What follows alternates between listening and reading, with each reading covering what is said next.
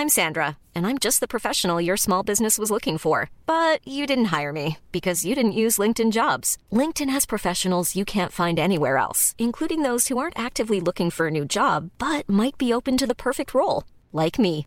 In a given month, over 70% of LinkedIn users don't visit other leading job sites. So if you're not looking on LinkedIn, you'll miss out on great candidates like Sandra. Start hiring professionals like a professional. Post your free job on linkedin.com/people today.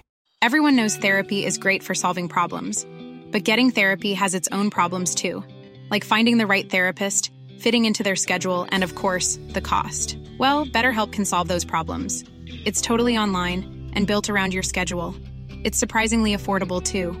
Connect with a credentialed therapist by phone, video, or online chat, all from the comfort of your home. Visit betterhelp.com to learn more and save 10% on your first month. That's BetterHelp H E L P. One size fits all seems like a good idea for clothes until you try them on. Same goes for healthcare. That's why United Healthcare offers flexible, budget friendly coverage for medical, vision, dental, and more. Learn more at uh1.com.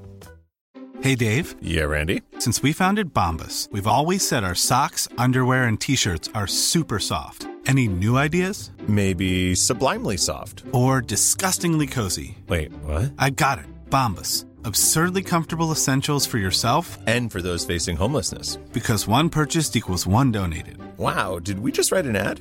Yes. Bombas. Big comfort for everyone. Go to bombas.com slash ACAST and use code ACAST for 20% off your first purchase. Market Makers presenteras återigen av tradingmäklaren IG. Och med IG kan du ta positioner även utanför marknadens öppettider. De flesta av IGs marknader är nämligen öppna dygnet runt, måndag till fredag. Och det innebär att du kan handla aktier, index, råvaror, valutor, kryptovalutor och så vidare så fort en möjlighet dyker upp. Dessutom kan inte din position knockas när den underliggande marknaden är stängd. Så det är schysst. Upptäck IGs utbud och smidiga handelsplattform på IG.com. Men kom ihåg att all handel med finansiella instrument är förenat med risk. I'm amazed how many people own stocks. They, they would not be able to tell you why they own it. They couldn't say in a minute or less why they own it. Actually, you really press them down, they'd say the reason I own this is the sucker's going up. There's enough cash in the financial system, and there's an infinite amount of cash at the Federal Reserve. An infinite amount Put of cash. Put that check in a money market mutual fund. Then we'll reinvest the earnings into foreign currency accounts with compounding interest, and it's gone. So they had to do something. All they had left was just to print money and start buying things. And that's what they did. Quick buck artists come and go with every bull market, but the steady players make it through the bear market. They say money can't buy happiness. Look at the fucking smile on my face. Hej och välkommen till ett nytt avsnitt av Market Makers. Och du Fabian, vi närmar oss avsnitt 200. Det är inte illa, det här är avsnitt 199. Ja, spännande, spännande! Och vi kommer komma med intressanta nyheter nästa vecka. Ja, det är ju egentligen nästan en rolig grej som vi ska presentera avsnitt 200. Men vi tycker att det, vi hoppas och tror att det kommer bli ganska uppskattat ändå. Och eh, som sagt, en rolig grej som det så fint heter. Eh, vi har andra spännande nyheter också, men först tänkte jag bara snabbt nämna vad vi ska prata om i veckans avsnitt. Vi har ju valt att eh, ta oss över det stora havet i väst till USA den här veckan. Det har varit väldigt mycket fokus på små svenska bolag och eh, nu har ju de blivit total eh, mosade på börsen senaste tiden. Så att, eh, vi får ge oss tillbaka till USA istället, detta stora stabila bolag. Nej, men vi ska prata bland annat om ett bolag som dök fram som heter Calera, som jag faktiskt inte hade hört talas om innan. För det är väl ett eh, litet microcap egentligen i USA. Ja, eller man kan säga så här, det är faktiskt inte ett amerikanskt bolag. Det är noterat på New York Stock Exchange, men det är ett italienskt slash indiskt microcap-bolag. Oj, italiensk slash index, det är indiskt. Det är ju en märklig kombo faktiskt. Men det, men det är ett så kallat CPAS-bolag, Communications Platform as a Service. Man kan tänka till exempel Twitch, Twitch, vad fan snackar jag om? Twilio eller Sinch. Just det. Och eh, jag tänkte faktiskt prata lite om RPA, Robotic Process Automation, och hur man kan hitta case på det. Dels är det UiPath som noterades i år som är otroligt intressant. Och så kommer en gammal goding dyka upp där på slutet också, så det blir spännande. Men innan vi går in och börjar prata om de här bolagen så har vi en annan väldigt spännande stor nyhet också. Det är nämligen så att vi har gått in och investerat och jobbar tillsammans med en startup som heter Axier. A-X-Y-E-R. Det ska alltså låta som en, ett märkligt uttal på aktier. Nej, men det här är en jättespännande produkt verkligen som vi verkligen står bakom och som vi gillar. Eh, och det handlar egentligen om att skapa en plattform för att diskutera aktier på ett bättre sätt. Det är nämligen så att väldigt många använder Facebookgrupper. Facebookgrupper är jättesmidiga, men kvaliteten är väldigt varierande i de här grupperna grupperna och det finns ju liksom inga egentligen verktyg i Facebook för att prata om aktier på ett bra sätt. Samma sak med Twitter. Vi båda älskar Twitter och det finns väldigt mycket bra med Twitter, men det är inte byggt för att diskutera det. Framförallt är det ju minimalt små trådar och sådana saker. Exakt, och så vill vi koppla in infoflöde, man får uppdateringar direkt in i appen, PM och så vidare, så man har koll på bolaget också. Så man, samtidigt som man diskuterar bolaget så kan man faktiskt ha koll på bolaget man diskuterar. Och tar du någonting som Twitter till exempel, det är ju skithärligt, älskar Twitter, men publicerar någon en analys så försvinner analysen ut, i, ut på internet och sen hittar man den aldrig igen. Skitirriterande, vi vill att den liksom ska finnas kvar, pinnad, så man kan gå tillbaka, hitta tidigare analyser som har skrivits om de här bolagen. Precis, och sen ska man ju kunna koppla också allting man säger. Allt, för att undvika liksom hås och pump and dump och sådana saker så är tanken att man ska kunna egentligen ja, men verifiera allting man säger och bygga upp någon form av trovärdighet. Och dessutom koppla det man säger då till olika PM eller triggers eller vad det är man pratar om för någonting. Eh, så att det faktiskt finns någonting som backar upp det man säger. Så jag tror ändå att det här kommer bli en, en bra grej för att bygga en trovärdighet eh, i, i liksom kommunikationen. Eh, och förhoppningen som du var inne på också, att få in bolagen på det här också, vilket, vilket ser väldigt lovande ut just nu. Få in båda för Q&A och sådana saker så att man liksom får närmare kontakt med bolaget som aktieägare. Jag tror det kommer bli svinbra. Den här produkten kommer lanseras ganska snart. Den kommer förstås inte kosta någonting. Eh, det är inte, inte liksom tanken att mjölka ut pengar och användarna. Utan produkten kommer vara helt gratis. Det kommer framförallt vara en app. Det kommer också finnas dock en webbläsarversion. Och det som är tanken nu är att vi jättegärna skulle vilja höra vad ni tycker om det här och få feedback från er användare. Eh, och det kan man göra genom att signa upp sig för betan, vilket förstås återigen inte kostar någonting. Eh, och då går man in på aktier.com beta och det stavas alltså axyer.com beta. Eh, det ligger en länk i avsnittbeskrivningen. Och då kan man helt enkelt signa upp sig med sina kontaktuppgifter och så kommer man få mer information när den här betan lanseras så att man kan prova den och komma med feedback och med och hjälpa bygga egentligen en bättre plats för att diskutera eh, investeringar och göra bättre investeringsbeslut. Så ni kommer definitivt höra mer om det här i podden, och, eh, men vi vill ändå lyfta lite nu och som sagt jättegärna se om vi kan få in folk som vill betatesta det här och eh, ja, vara med och bygga det till en riktigt bra plattform. Vi tror att det här kommer bli riktigt bra och det är någonting som vi verkligen tror på och känner saknas i, eh, ja, i diskussionerna kring investeringar. Då. Ja, med det sagt så kanske vi ska hoppa in på en snabb disclaimer här. I den här podcasten sker ingen rådgivning eller rekommendation. Vi berättar bara om vår process, vad vi kikar på just nu, vad vi tycker är lite intressant och framförallt hur vi tänker. Gör alltid dina egna analyser och glöm aldrig att alla investeringar är förknippade med risk. Ja, först ut i dagens avsnitt ska vi prata lite om Kaleira, ticker KLR, noterad på New York Stock Exchange.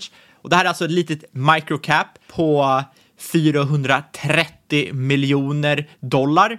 Så bara en, en halv miljard dollar, lite microcap. Exakt, exakt. Det är lite andra summor där borta. Ja, men det är, det är inte så ofta man ser sådana här bolag. Och, och, nu för tiden ser man ju liksom bolag noteras på 50 miljarder dollar. Så att Miljarder är nya miljon. Ja, det är sant. Tack centralbanken. Men i alla fall, Caleira. Ett, Caleira är ett italienskt bolag som utvecklar mjukvara för kommunikation och e-handelssäkerhet. Som jag sa tidigare i introt, det är ett CPaaS-bolag, Communication Platform as a Service. Och det här innebär i stort sett att de erbjuder en molnbaserad plattform och API så man kan skapa applikationer för just text och röstmeddelanden. Och eh, då kan man ju ställa sig frågan, varför behöver man det här? Varför behöver du skapa ett, liksom, applikation för textmeddelanden. Det undrar ju alla som inte investerat i Sinch också. Exakt! Men tänk till exempel när du bokat ett möte eller din frisörtid så får du en konfirmation i mobilen. Eller när du ska hämta ett paket och få det meddelandet till mobilen. Ja, det är det här Kaleiras mjukvara gör. Exakt det du sa, tänk Sinch, eh, men i mindre format och för andra länder här. Och framförallt så vill ju Kaleira att Eh, sina kunder ska använda den här produkten då för all kommunikation med sina egna kunder, alltså slutkunden. Och det här är oavsett om det är text, röst eller video. Ehm, för att helt enkelt kommer det här förenkla management av slutkunden över tid. Det är rätt jobbigt om du måste ha flera produkter för att kontakta kunden på olika sätt och i olika kanaler. Det här innebär alltså att man vill vara en one-stop shop för företags kommunikationslösningar.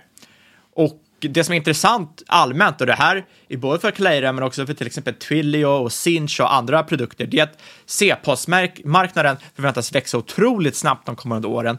Eh, förväntas växa med ett kagger på 30 procent om året fram till, ja, det är väl, det är väl förstått i och för sig när man eh, säger kagger, men förväntas växa med 30 procent kagger till 2025. Och som jag också nämnde i början, man är mestadels verksam i Italien och Indien. Och i de här länderna finns det troligtvis väldigt stort utrymme för tillväxt, för här är man ju den största eller en av de största, om inte den största spelaren. Det påminner på så sätt lite om Epsilon som vi pratade om, om för eh, någon månad sedan, som för övrigt kom ut idag med en kanonrapport eh, som alla borde läsa om de inte läst den. Men i alla fall, Caleira grundades 1999 i Italien som Ubiquity, men döptes om till Caleira efter att man köpt upp indiska Solution Infinity 2016 2018 köpte man upp amerikanska Buck Mobile och man listades på New York Stock Exchange i slutet på 2019. I juli 2021 så köpte man upp den USA-baserade meddelandetjänsten M-Engage och eh, det var egentligen här man började göra entré i USA på riktigt. Och eh, man har nu via dotterbolaget Campaign Registry signat alla Tier 1 carriers i USA och man och man representerar cirka 98 procent av den marknaden i USA. Så man börjar gro sätta fästet i USA här och det ska bli intressant att se vad framtiden, eh, vad som händer i framtiden för bolaget. Kanske bara poängtera det, Ubiquity, då tänker jag förstås på det noterade bolaget Ubiquity, fast med i på slutet, eh, som gör bland annat eh, switchar och routrar och sådana saker som är väldigt smarta och intressanta. Eh, men det har ingenting med det bolaget att göra. Nej, absolut inte. Och det var kanske därför de ändrade namn. de såg en möjlighet framöver att noteras. Men bolaget har en växande portfölj med kunder, över 3800 stycken, bland annat AstraZeneca, Har man gjort talas om någon gång? Exakt. Zomato och Viber. Så i alla fall lite kvalitet på de här kunderna. Och eh, ja, som ni säkert förstår är det ju så att eh, Kaleira, ja, de jobbar ju för att leverera de här, deras kunders meddelanden till slutkunden. Och under Q2 så levererade man över 8,5 miljarder så kallade billable messages. Det är en 62-procentig ökning year on year och man kopplade upp över 1,4 miljarder voice calls och den här ökningen på närmare 200 procent year on year. Man har även nyligen lanserat en Zoom-konkurrent. Man har köpt upp ett bolag som spel, specialiserar sig just på video-API och det är för att man vill vara då en så här one-stop shop. Du ska ha allting här för att kontakta dina kunder. 75 procent av intäkterna kommer ifrån kunder som har funnits på plattformen i minst ett år och 44 procent kommer från topp 10-kunderna. Där är det viktigt att poängtera att ingen topp 10-kund har churnat senaste året. Alltså de har funnits på plattformen i över ett år. Just nu har man 36 procent av intäkterna från just Italien och 25 procent från Indien och 20 procent från USA och sen resterande från Sydamerika, Europa och Asien. Så det här caset är ju väldigt inriktat mot just Italien och mot Indien med en liten option där på USA. Men det som är intressant är att man satsar ändå på global expansion trots att man har rätt liten storlek. Och jag tycker också det är viktigt att påpeka att ingen individuell kund står för mer än 10% av omsättningen, vilket man skulle kunna tro ett bolag av den här storleken. Man har eh, partnerships med bland annat eh, AVS, Shopify, Google, Visa och WhatsApp samt att man har väldigt många olika integrationslösningar, vilket är väldigt viktigt nu för tiden. Det är ju allting från Google, Microsoft, Oracle, Salesforce, Zendesk. Men jag menar, med tanke på att det här är Market Makers podd så vet ju de flesta vad det här typen av bolaget handlar om. Det som är intressant är lite geografin, men också tillväxten. Växer det här bolaget? Och svaret är ju faktiskt ja, och det växer otroligt snabbt.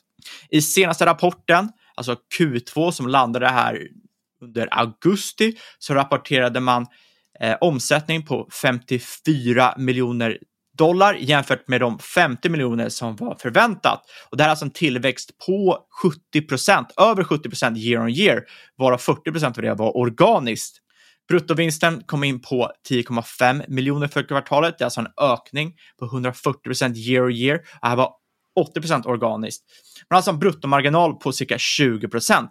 Och det kanske inte låter så mycket, men det är upp från under 50 förra året. Så man ser ju en marginalexpansion i det här bolaget, vilket är en otroligt trevlig trend. Där bör man ju ändå någonstans kanske, jag kan tänka mig att de, som sagt, de, som du sa, de förvärvar ju mycket och de håller på att expandera, så de har ju säkert eh, ja, men det går väl åt lite, i och för sig hamnar inte det på bruttomarginalen, i och för sig, men, men förhoppningsvis skalar i alla fall. För man kan jämföra det med till exempel svenska Sinch som håller på med liknande grejer. De har ju 25 i bruttomarginal eh, och amerikanska Twilio har ju hela 50% bruttomarginal, så det är ganska stor skillnad, eh, framförallt mot Twilio där. Exakt, men man kanske inte ska det är ju lätt att man hör mjukvarubolag så tänker man på de här med 80 procent i eh, bruttomarginal. Och det är inte riktigt samma, samma bolag, man måste, eller samma typ av bolag. Trots att det är mjukvara så måste man ju skilja på vilken typ av mjukvara det är. Absolut, och jag Och tror typ- att eh, marginalerna förbättras över tid. Det är ju det man har sett i Sinch och det kommer man antagligen se i det här bordet också kan jag tänka mig, om de fortsätter exekvera förstås. Eh, earnings per share kom in på minus 0,13 dollar per aktie. Och eh, det här låter ju tråkigt, det är förlust, men expected var ändå 0,3, alltså minus 0,3 dollar. Och eh, det är en otrolig förbättring för förra året, då var det minus 0,4 dollar. Det man dock ska påpeka är att enligt bolaget själva så är den här förlusten en one-off. Man kommer med stor sannolikhet gå med vinst redan i Q3 och Q4 i år som tenderar att vara de bra kvartalen för det här bolaget. Och en stor anledning varför man kom in med förlust det här kvartalet var uppköpet av M-Engage. Och eh, ja, just därför så kommer man troligen visa en finare, ja, lite finare resultat här framöver. Bolaget har stort insiderägande. 31 procent av aktierna ägs av styrelsen och ledningen. Däremot kan man ifrågasätta, man, jag, jag har sett att det har varit en del insiderförsäljning senaste tiden, vilket jag tycker är lite skevt för ett så här litet bolag. Så det är någonting jag själv i alla fall vill studera lite närmre. Eh, jag ska också kommentera att en stor del av free floaten är shortad. Och eh, det är må många av de här tillväxtbolagen som är det nu för tiden. Så man kan ju ställa sig frågan, är det en potentiell short squeeze på G? Jag tror kanske inte man ska satsa på det. Men fi fi finns det någon möjlighet här eller är det marknaden som är smartare än en själv? Man kan ju försöka gå in på, på Reddit på Wall Street Bets och eh, få med sig de andra aporna att eh, driva upp kursen i bolaget och göra en short Ex- squeeze. Det är det du försöker säga. Exakt så. Eh, De alla köper samtidigt på torsdag klockan ett. Exakt, torsdag klockan ett. Nej, jag vill inte ens säga något sånt. Eh, vi skämtar bara, vi skämtar bara. Snälla Fi, kontakta oss inte igen. Men i alla fall, för allt det här så tycker jag i alla fall att det är en relativt billig prislapp. Som sagt, du har ju 70% i tillväxt, 40% organiskt. Vad betalar man för det? Jo, om du kollar Q1 2021, ja, då hade du cirka 40 miljoner i eh, intäkter. Nu här i Q2 hade du cirka 50 intäkter. Vi ponerar att du har ungefär samma i Q3 och Q4, även fast det brukar vara bättre kvartal. Ja, då har du cirka 200 miljoner i sales på året. Du har 430 miljoner i market cap. Ja, det ger ju ett price to sales på cirka 2. Det är inte så farligt för ett sånt här bolag. Nej, där kan man ju återigen jämföra med Twilio och Sinch. Eh, Sinch får handla till EV Sales 9 eh, och eh, Twilio handlar till EV Sales 24. Exakt. Det är lite skillnad. Ja, jag, jag tycker änd- ändå så här, jag kan disclaimer här, jag har inte plockat in någonting av det här i portföljen än, men jag tycker det är rätt intressant för bolag som växer väldigt starkt, har en relativt billig prislapp när du kollar på tillväxten och i absoluta tal också, har hög sannolikhet att vända till vinst redan nästa kvartal, eller i alla fall inom kort, kort tid. Um, och, och du ser att marginalerna håller på att expandera. Allt som allt så tycker jag att det är ja, det här är en väldigt intressant litet microcap-play. Och den här veckan sponsras vi också av NBX igen, Norwegian Block Exchange, som är det enda valet för dig som vill ha en professionell handelsplats för kryptovalutor. Hos NBX kan du handla alla de stora kryptovalutorna i en säker miljö som är godkänd av norska Finansinspektionen och som är fullständigt försäkrad. Nu har man dessutom uppdaterat plattformen så att den fått en riktig makeover med enormt förbättrad användarvänlighet. Så gå in och kika själv på nbx.com mm, alltså nbx.com mm. Vi säger stort tack till Norwegian Block Exchange. Ja, Caleira, intressant bolag faktiskt. Eh, jag gillar den här typen av plays där man i princip tar ett bolag man redan känner igen som Sinch Twilio och eh, applicerar det på en annan geografi bara. Det brukar ju vara ganska intressant. Vi bara kolla vad bra det har gått för kinesiska bolag på sistone. Nej, skämt åsido. Men, men det, har ju varit, det är ju en strategi som funkar. Så ta någonting som funkar riktigt bra på marknaden, expandera ut till andra marknader. Jag tror dessutom kanske att sms kan till och med vara ännu lite större på vissa av de här marknaderna. Så att, ja, superintressant. Jag tänkte däremot att jag skulle prata lite om ett case inom något som heter RPA, nämligen Robotic Process Automation. Och vad är då det, undrar kanske någon? Jo, men tänk exakt det som robotar har gjort inom industrin, där vi byggt de här produktionslinjerna och ersatt människorna med robotar som bara återigen gör samma repetitiva liksom, monterings element eh, eller moment om och om igen. Det är precis samma sak fast vi gör det för datorarbete då, kan man säga. Har du jobbat på ett stort företag så vet du hur det kan se ut. Man har antagligen ett gigantiskt gammalt intranät i SharePoint, som kommer från Microsoft för övrigt. Miljontals Excel-filer, också Microsoft. Och så har man förstås ett extremt trögrörligt affärssystem, typ SAP, noterat på tyska börsen. Och så kanske man lite egenutvecklade applikationer på det också. Så man har först det här affärssystemet, säger vi, och där lägger man kanske projekt, säger vi. Eh, det ska mappas mot eh, korrekta konton som ska debiteras och så vidare. Så man lägger upp det här projektet, anställda tidsrapporterar mot det. Men man vill ju också kunna följa projektets framfart i, i andra dimensioner, så att säga. Så därför har ju någon satt upp en SharePoint-sida där man har kanske någon lista eller databas, man får översikt över alla projekt. Sen ska det i någon, så i varje projekt utföras massa uppgifter och då har någon skapat ett Excel-ark för att hålla koll på de milstolparna och så vidare. Så det som är det stora problemet med det här som jag beskriver nu, ja, det är att det är massvis med grunddata, typ projektnamn, projektledare och så vidare, som ska matas in på nytt i varje sånt här system. Eh, och Det här är någonting som sväljer enormt mycket tid runt om i världen. Faktum är att det handlar om miljardvis med timmar varje år och därmed enorm, liksom, ja, men, enorma marginalförbättringar, effektiviseringar man kan göra om man skulle få bort de här elementen. Ett annat klassiskt exempel, bara för att ta någonting till, som är väldigt alldagligt idag, eller väldigt vanligt, det är det här med inskannade fakturer.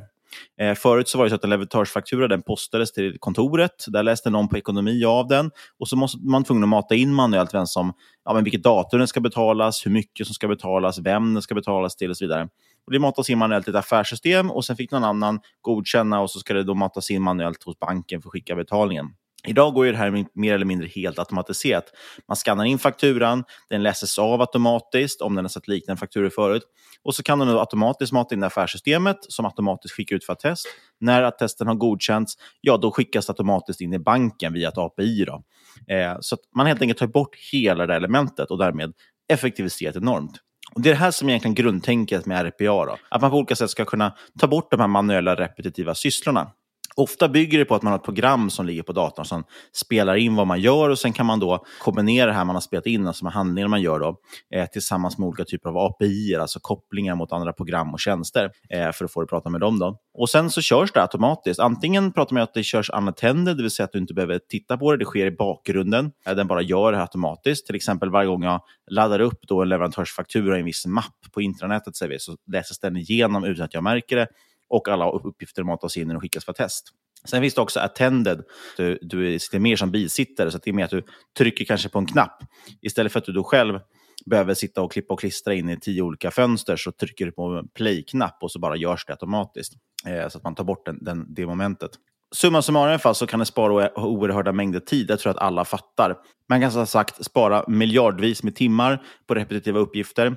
Eh, och Det är den här typen av produktivitetsförbättringar som gör att vi fortsätter ha tillväxt liksom, i, i, i världen fortfarande. Eh, vi blir för varje år mer och mer produktiva och datorerna har ju varit ett enormt komplement där och även robotar överlag. Ett sätt att få tillväxt utan att slösa på ändliga resurser. Ja, och de här typerna av produkter, när, just produktivitetsprodukter blir ju allt mer populära hos företag. Eh, liksom lite annorlunda, men du har ju allting från eh, Jira Gira, som är liksom issue and project tracking software. Det är alltså Atlassian som har köpt upp det. Du har till exempel eh, Asana, där du helt enkelt managerar ditt eh, teams arbete och projekt och liknande online.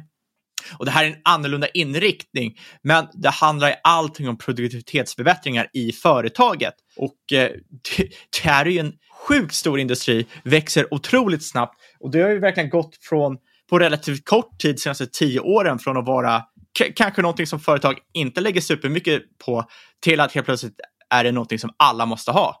Som alla företag måste investera hutlösa summor pengar i.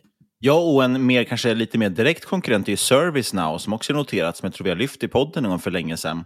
Eh, som också håller på med olika typer av automatiseringslösningar.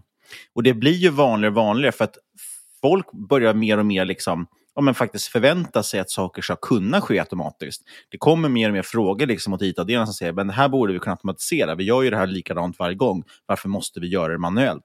Helt enkelt för att man ser att det här liksom sker mer och mer i sin vardag också, alltså även hos konsumentprodukter. Eh, så, så börjar man få det förväntade, eller man börjar förvänta sig att det helt enkelt ska gå att automatisera bort saker. Och man ser att ens tid liksom är för dyrbar för att slösa på repetitiva saker. Eh, Sen det som ska tilläggas också att det här är ju verkligen en kombination av allt det som vi ofta pratar om i podden som vi är så intresserade av. Det är AI, alltså artificiell intelligens, det är det vi behöver för att kunna till exempel läsa av en faktura automatiskt och sådana saker. Och det är då API-ekonomin som vi pratar om så mycket. Det vill säga man har mängder av olika tjänster. Man kan ha Twilio, man kan ha Kaleira eller vad det nu är, är för någonting för att skicka ut sms och kommunicera och så vidare. Och så får man det integrerat med andra tjänster via API. -er. Och det finns förstås siffror för att backa upp det här. Gartner till exempel, eh, de säger att Robotic Process Automation kommer generera intäkter, mjukvaruintäkter på närmare 2 miljarder dollar under 2021.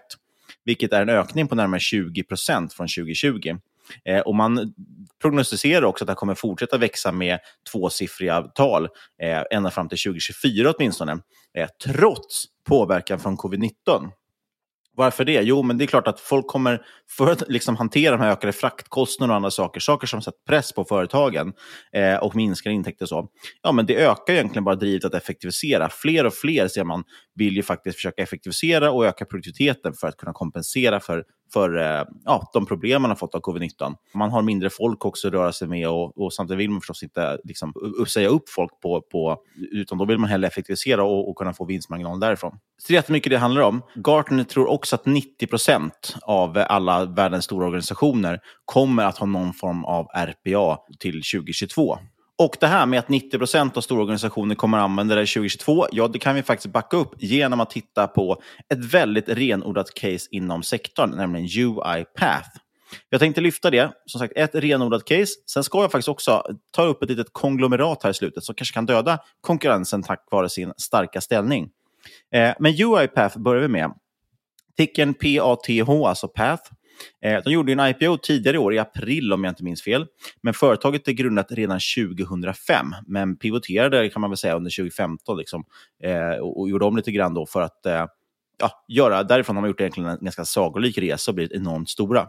Och Jag sa ju det att man som sagt kan backa upp det här med att väldigt många företag använder den här typen av tjänster. Det är bara att kolla på UiPaths kundlista. Man har 80% av Fortune 10-bolagen på kundlistan.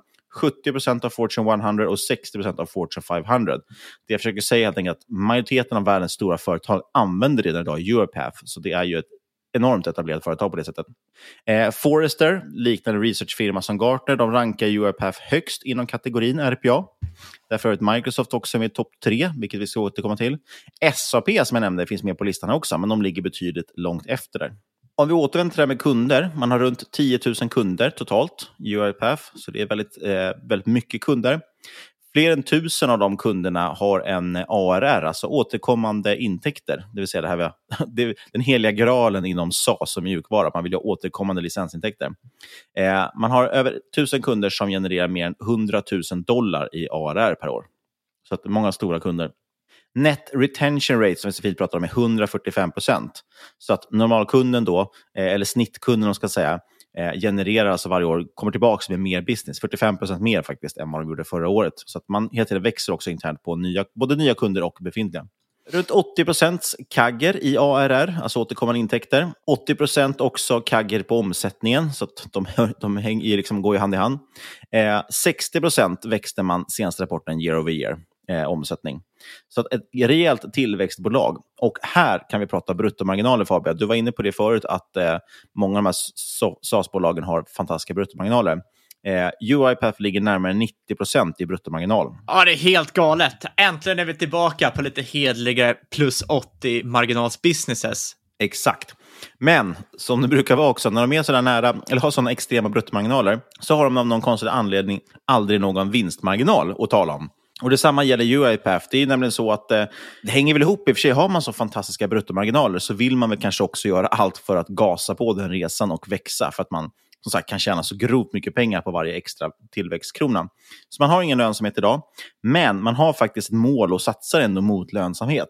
Det här påbörjades för två år sedan. Då skalade man ner rejält, sa upp 300-400 pers, vilket motsvarade runt 10% arbetsstyrkan då vid tillfället. Och Tanken var att man ville försöka i alla led egentligen effektivisera och nå en snabbare väg mot lönsamhet. Och Man sa då att man siktade på lönsamhet redan 2020. Eh, och Det finns vissa tecken på det här. Eh, det pratas en del faktiskt om att de i, eh, i samband med noteringen i princip var eh, lönsamma, men att noteringskostnader och lite annat kom i vägen. Då. Men vi får se. Det viktiga är att man har ju verkligen operational leverage, som det så fint heter, det vill säga att man har en skalbarhet. Eh, desto mer man växer, desto när, mer närmar man sig lönsamhet. Och den dagen man kliver över till lönsamhet så kommer ju den verkligen eh, ta fart rejält. Då. Det kommer bli väldigt intressant tror jag. Vi kan jämföra bara 2020 mot 2021. Eh, de är brutet räkenskapsår, så 2021 är redan avslutat i, i eh, uh, UiPaths värld. Eh, det tog slut 31 januari, deras räkenskapsår. Väldigt märkligt det där varför man inte bara lägger det till den 1 december. Men, en annan fråga. Eh, jämfört 2020 mot 2021 så ökade ju omsättningen eh, med 72 procent, medan kostnaderna enbart ökade 10 procent. Så där ser man ju tydligt att desto mer de växer omsättningen, desto, desto närmare hamnar de vinst. Förlusten minskade också. Från 2020 då gick man back ungefär en halv miljard dollar, det vill säga hela Kaleiras market cap i princip.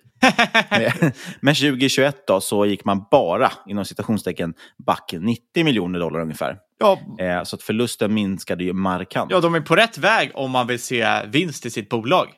Så är det verkligen. Utan att göra allt för stor avkall egentligen på omsättningstillväxten. Här. Nej, exakt, och det är ju faktiskt väldigt imponerande.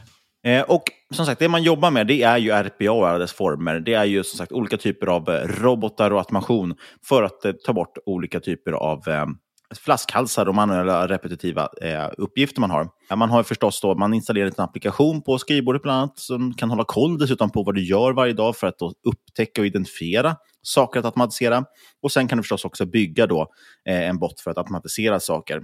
Dessutom så har man också olika tjänster att få analysera och, och, titta på hur de här faktiskt eh, presterar och hur mycket man sparar på och så vidare. Vilket jag tror är väldigt positivt, för att företagen vill ju se också att de här faktiskt ger effekt. Eh, man lyfter upp vissa exempel när man kollar på sina investerarpresentationer med dem. Att man till exempel femdubblat effektiviteten och sådana saker. Man har haft ett team om fem som helt plötsligt kan göra 20 personers arbete och så vidare. Så att, väldigt intressant och väldigt lönsamt. Jag tror att alla är med på ungefär vad RPA är nu och jag, jag tror att alla förstår och ser syftet med automatiseringar. En kritik man däremot kanske kan rikta mot UiPath, som de har fått en del i alla fall, det är ju att de har väl varit ganska fokuserade på större äldre system som Oracle och SAP och så vidare, så att kunna automatisera de här systemen. Det är väldigt klokt för många företag jobbar med det här.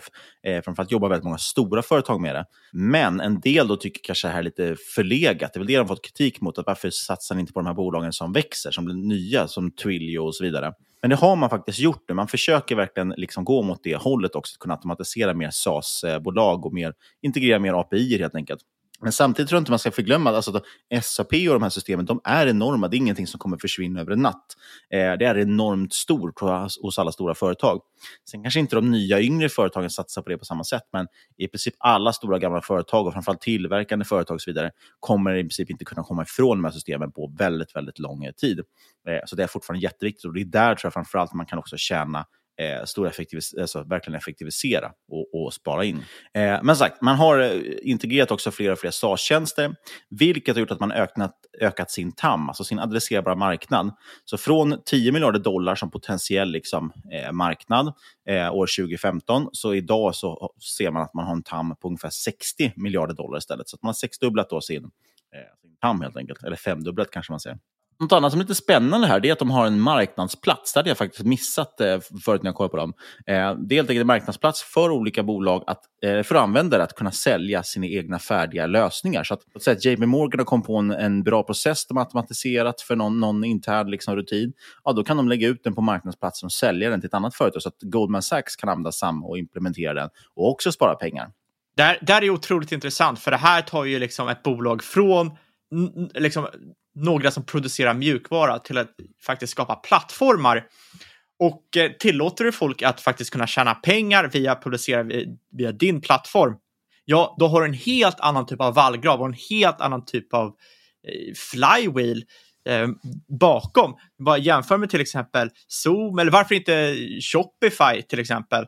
Eh, Shopify känner de flesta till. Du kan skapa e-handel där, men det många kanske inte känner till det är att du kan skapa olika typer av widgets och liknande och sälja på Shopifys egna marknadsplats. Så att det finns ju folk som bygger bolag på Shopify som inte är e-handel, utan det är mjukvarubolag som riktar sig mot de här e-handelsbolagen som går via Shopify. Och det här gör ju att de drar till sig allt fler liksom, typer av kunder som använder deras produkt och i stort sett breddar de sig till en mycket större potentiell kundkrets. Ja, jag tycker faktiskt det här är sjukt intressant. Jag, jag har tyvärr inga siffror på hur stort marknadsplats, stor marknadsplatsen är idag eh, och framförallt inte hur mycket pengar genererar. Jag tror dock inte, det är liksom inte det som är syftet, utan syftet är ju att kunna visa vad man kan göra och eh, få, få egentligen in nätverkseffekter också och in data förstås. Men det är bara att titta på egentligen alla typer av automatiseringsverktyg eh, och många andra typer av mjukvaror så är det ofta så att användarna kanske inte alltid själva kommer på lösningen eller sitter och funderar. Så de kanske inte spenderar så mycket av sin arbetsdag med att sitta och fundera på vad skulle vi kunna göra annorlunda och vad skulle vi kunna använda verktygen till. Utan då behöver man olika typer av mallar och förslag och inspiration från andra. Där någon visar att, ah, vet du vad, jag kunde göra det här. Jag kunde läsa in den här fakturan automatiskt och skicka ut för att test och eh, sen, sen skicka in i banken. Och Då ser någon annan det och tänker, men shit, jag har ju också den där arbetsuppgiften varje dag. Jag kanske kan använda det. Och då helt plötsligt kommer man in och börjar bygga nya grejer och nyttja produkter mer. Så det där tror jag är ändå jätteviktigt. Det, det skapar ett väldigt stort mervärde, eller framförallt inspiration, att få folk att använda produkter mer. Eh, sen något annat som man också använder av, som jag också tror är väldigt bra och framgångsrikt, det är att man använder sig av ett partnernätverk av konsulter som hjälper företag med att implementera UiPath hos dem. Eh, och Det här är precis samma strategi som Microsoft till exempel använder.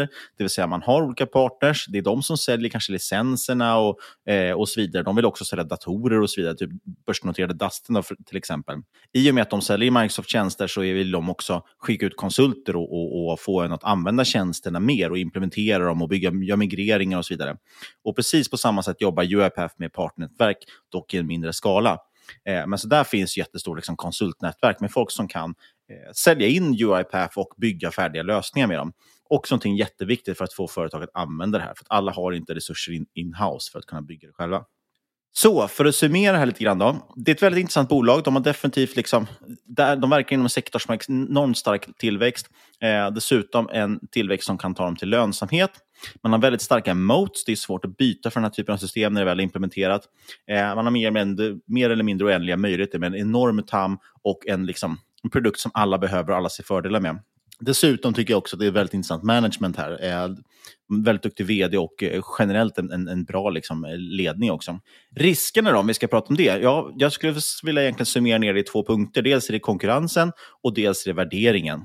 Eh, värderingen är snordyr. Vi var ju pratat här med såklart, att, såklart att den är det. vi pratar ju om ett EV-sales på två på det här Kaleira. Här pratar vi istället mer trillionnivåer. Eh, man har ett EV-sales på 33. Men om man nu ska se ljuset i tunneln här eller ser optimistiskt, eh, så har ju det här faktiskt ändå halverats. Eh, tack vare förstås genom ökad omsättning, men framförallt också en aktiekurs som nästan halverats från toppen här i juni. Eh, så den har blivit betydligt billigare och det är därför det börjar bli intressant att kanske kika på de här snordyra bolagen igen, för att de har åtminstone kommit ner till billigare nivåer. Men det är jättedyrt och man gör ingen vinst än. Jag tycker det ska bli jätteintressant att se dock vad som händer när man kliver över den här tröskeln.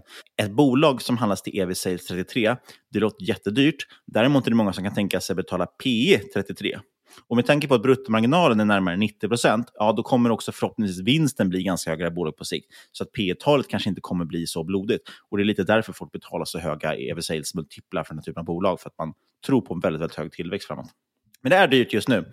Och konkurrensen, och det är den andra punkten. Ja, det leder mig in på eh, nästa lilla blänkare som jag vill lyfta. Och det är ju Microsoft som jag tjatar så mycket om. Eh, och alla känner redan till Microsoft, så jag ska inte dra hela caset där. Kan dock noteras en liten bit, om det är någon som mot förmodan inte känner till Microsoft. Jag tror alla känner till Microsoft, men alla kanske inte är helt inlästa på Office 365, eller Microsoft 365 som numera heter. Det är ju liksom, de gjorde ju en stor omställning mot en licensmodell och en prenumerationsmodell. Och därefter har Microsofts lönsamhet bara totalt exploderat och man har blivit så enormt marknadsledande. Det är liksom någonting som alla måste ha. Alla måste ha Microsoft 365 för att då får man Office-paketet, man får Outlook, man får Windows och så vidare. Alla måste ha det idag i princip. Eh, här har man faktiskt, apropå pricing power och lite sådana saker, och moats, man har genomfört prishöjningar nu på, Office 36, eller på Microsoft 365 eh, på de här licenserna. Och det var ganska länge sedan sist man gjorde det, vill jag minnas. Och man höjer nu motsvarande då runt ungefär 10 på de här licenserna. Och vart hamnar de 10% ökningarna? Jo, de hamnar rakt ner på sista raden. Det är ganska otroligt. Så på bara en sån liten handvändning, eh, ingen kan ju säga upp de här licenserna för man måste ha dem. Det är klart att man kan se över lite vad man har dem för någonting och så vidare och kanske nedgraderas lite grann. Men i princip så måste du ha kvar licenserna. Speciellt när man gjort sig beroende av alla produkter. Där. Eh, och då får ju Microsoft 10 så här, rakt ner på sista raden. Så det säger någonting om varför de här bolagen är så Eh, intressanta. De har en otrolig pricing power och eh, möjlighet att generera kassaflöde och vinst. Så det är en riktig kassaflödesmaskin eh, som handlas till betydligt trevligare multipel än UiPath. Eh, här ligger P talet kring 30 lite drygt. Men man växer å andra sidan så pass mycket också att PEG-talet ligger på 0,9 här är ett av mina favoritinnehav och ett av de innehav jag haft längst tror jag också faktiskt i portföljen. Så det, det, är väl en disclaimer där att jag äger aktier i Microsoft också. Inte för att jag tror att vi kommer rubba eller röra den aktiekursen direkt med tanke på hur mycket jo då, jo då. Vi, vi är en stor podcast nu. Vi kan rubba alla bolag. Amazon kommer här näst. Men varför lyfter jag då Microsoft när vi pratar om RPA? Jo, för att i den här Microsoft 365-licensen som jag pratade om, där man får alla de här programmen man behöver som Office-paket och så, då får man också med någonting som heter Power Automate, tidigare hette Microsoft Flow. Och det är just ett automatiseringsverktyg. I dess grundutförande, det som ingår i den här licensen, eh, då handlar det framförallt om att integrera olika API-er. Dels massa tredjepartstjänster, alltså man använder Twilio till exempel, vet att de har en koppling till. Men eh, majoriteten av användare liksom stöter nog framförallt på det för att de har ju också väldigt bra sömlösa integrationer för att få alla Microsofts egna produkter att prata. Typ Outlook, SharePoint, Teams som är jättestort idag. Bara för att lyfta ett exempel på vad man kanske gör. Man kanske sätter upp ett formulär i Microsoft Forms, som är en Google Forms-kopia. Där kan användare rapportera kanske en eh, felanmälan, säger vi. Då kommer Power Automate ta infon från det här formuläret, spara ner det i en lista i SharePoint, det blir alltså din databas. Sen skickar den ett mejl via Outlook till slutanvändaren som har anmält felet, där den då fått ärendenummer så, så den kan följa sitt ärende. Och samtidigt skriver den då med en chattbot i, i Microsoft Teams till supportteamet, så de får reda på att det finns ett nytt ärende kan vara ett exempel på en sån integration som man helt plötsligt kan göra väldigt fort och som sparar massvis med tid och gör att eh, allting sker automatiskt därför att man behöver göra något manuellt. Nu har man, eh, det är väl senaste, under senaste året här, eh, byggt ut Power Automate och vidareutvecklat det just med ett RPA-verktyg, så det är därför jag lyfter upp det. Och det här tror jag kan vara en eh, det är väl som alla de här tjänsterna. Microsoft har liksom kopierat väldigt många olika andra tjänster till den. Men oftast finns det utrymme för båda. Bara även fast Team har chatt så finns ju fortfarande Slack kvar. De kan ju oftast leva sida vid sida av varandra. Och Jag tror att det är samma sak med UiPath och Power Automate. Men det är ändå intressant att de lanserar ett RPA-verktyg. Eh, och Då kan man installera en desktop-variant av Power Automate och spela in handlingar och automatisera det. Eh, och framförallt sen då integrera det med hela deras stora API-bibliotek. Så det kan bli något väldigt intressant eh, framåt. Exakt, det, det är som du säger, det kommer bero på företaget själva. Är de, har de väl redan väldigt hög integration av Microsofts verktyg, ja då är det inte så liksom far-fetched att de ska in, liksom, introducera Microsofts egna RPA-system. Har de inte det, har de liksom en blandning, använder de Slack till en sak, Google Drive till något annat och så vidare, då kanske det inte är så konstigt om de skulle gå via UiPath heller. Då kanske de inte vill ha till exempel vendor lock-in och köra ett företag som har hand om allting. Nej, det... sen, men sen det man ska tänka att, att en stor del är att själva RPA-delen, den tror jag man framförallt kommer använda till andra saker än eh, Microsofts egna verktyg. Däremot kan det vara ett sätt kanske just för att man har SAP-system, säger vi, eller man har, eh, vad vet jag, Fortnox eller någonting, och så vill man då kunna få den saken att prata med kanske sina Microsoft-system. Så Det är inte låst till att bara användas inom Microsoft, utan det är någonting som kan användas till allt. Men det blir väldigt lätt att halka in på det om man redan använder Microsoft till annat. Framförallt, det som är intressant här egentligen, det, här kommer ju, det är det här som är problemet, att UiPath det är ju ett rent play på RPA, medan Microsoft, här, alltså, deras intäkter från den här extra Power Automate-licensen, det kommer ju liksom aldrig synas ens på resultaträkningen. Men däremot handlar det om att bygga det här helhetspaketet. Så det är en kassaflödesmaskin som ändå har en viss exponering mot det här. Och framförallt är det intressant för man har enormt stora visioner för framtiden och jag tvekar faktiskt inte en sekund på att de kommer lyckas med mycket av det här. Eh, där man just kommer kunna utveckla RPA till någonting väldigt, väldigt stort. Nej, exakt. Men det blir exakt som till exempel Teams. Det är ju ingen som... Det är inget liksom, rimligt företag som skulle ha Teams och Zoom som alternativ det vill säga att de inte har någonting, ah, något annat program installerat och tänka, ah, men jag tar Teams framför Zoom.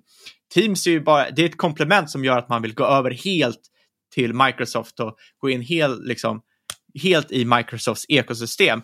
Och det är därför de lägger till så många olika funktioner. För fler funktioner kommer framförallt locka in större företag att helhjärtat gå in och integrera sig in i Microsofts ekosystem.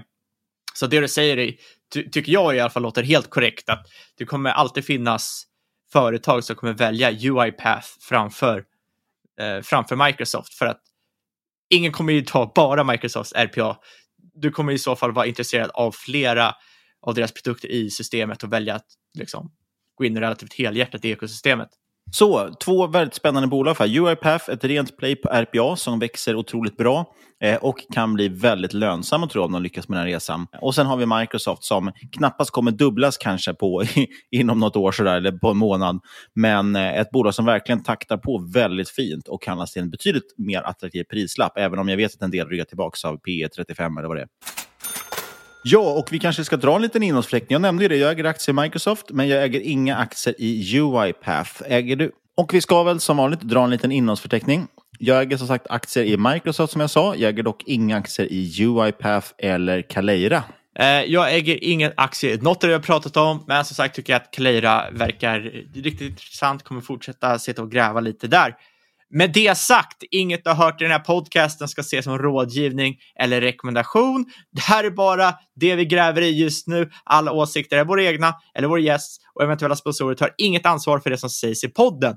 Tänk på att alla investeringar är förknippade med risk och sker under eget ansvar. Apropå sponsorer som du nämnde, upptäck gärna IGs utbud och smidig handelsplattform på ig.com och letar efter en professionell partner att handla kryptovalutor med och går in på nbx.com mm, mm som i market makers. Länkar till allt det här finns i avsnittbeskrivningen. Och vi påminner återigen om den här spännande startupen som vi är med i, nämligen Aktier. AXYER. Vi tror att det här kommer bli riktigt bra. Gå jättegärna in på aktier.com beta. Det finns i avsnittbeskrivningen också. Så kan du signa upp där om du vill prova betan. Var först ut med att prova det här. Eh, vi hoppas och tror verkligen att det här är något som kommer bidra till ett bättre investeringsklimat i Sverige. Det är det vi hoppas på egentligen. Ja, och framförallt om ni testar det och ni ser liksom, ja men det här duger inte, jag vill se det här och det här. Säg det! så kan vi liksom implementera det och göra det här till den bästa appen för aktiediskussion och eh, aktieinformation som finns där ute.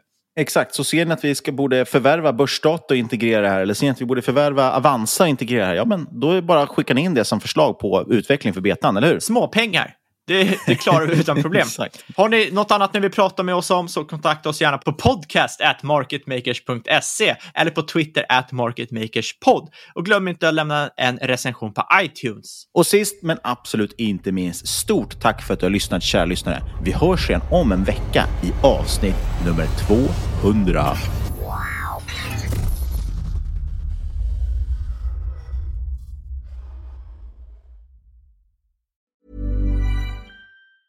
Mom deserves the best, and there's no better place to shop for Mother's Day than Whole Foods Market. They're your destination for unbeatable savings, from premium gifts to show-stopping flowers and irresistible desserts. Start by saving 33% with Prime on all body care and candles. Then get a 15-stem bunch of tulips for just $9.99 each with Prime. Round out Mom's menu with festive rosé, irresistible berry chantilly cake, and more special treats. Come celebrate Mother's Day at Whole Foods Market.